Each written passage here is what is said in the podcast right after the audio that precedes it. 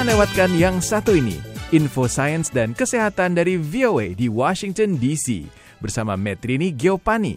Berbasis di Seattle, Atomic Coffee merupakan gagasan dua orang bersahabat. Salah seorangnya adalah pakar makanan yang kian frustrasi dengan rasa kopi yang tidak konsisten. Jared Stopforth, salah seorang pendiri Atomic Coffee mengemukakan. So I decided to look into it and see if I myself could create coffee from the atom up. So building Saya putuskan untuk memeriksa sekaligus melihat apakah saya sendiri dapat membuat kopi mulai dari atom hingga menjadi produk akhir. Jadi pengembangan secara molekuler menjadikan kopi tetap berkualitas.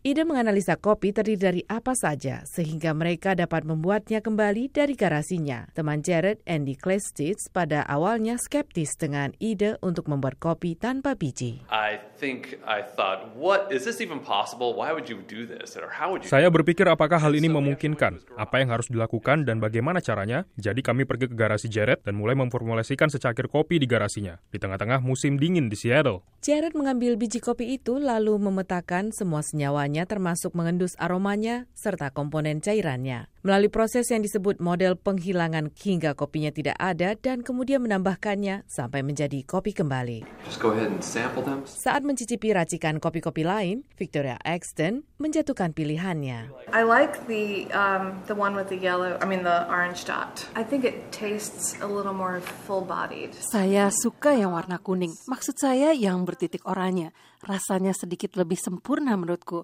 Rasanya lebih ringan, sedikit lebih halus. Andy Klitz mengungkapkan minuman dingin favorit yang dipilih sebenarnya adalah Atomo. Sementara itu Matt Reinhardt, salah seorang pengecap rasa terkesan, apakah kopi imitasi tersebut benar-benar kopi seutuhnya? Jared menjelaskan lebih jauh. we are making coffee exactly as you would experience it from a bean. We're just not using the bean. Kami membuat rasa kopi persis seperti minum dari biji kopi itu sendiri, hanya saja tidak menggunakan bijinya. Salah satu keunikan nilai jual Atomo adalah dampaknya yang ramah terhadap lingkungan. Tahun lalu, Kepala Badan Perdagangan Kopi Amerika Serikat mengemukakan rendahnya harga kopi menekan petani untuk mengolah tanah di hutan hujan tropis demi bertahan hidup. Kopi tumbuh di daerah yang termasuk ekosistem tropis seperti halnya hutan tropis yang memainkan peran kunci dalam menyedot karbon dioksida dari atmosfer yang menjadikan planet bumi kian menghangat. Metrini Kepani, Voice of America, Washington DC. Direct from Washington,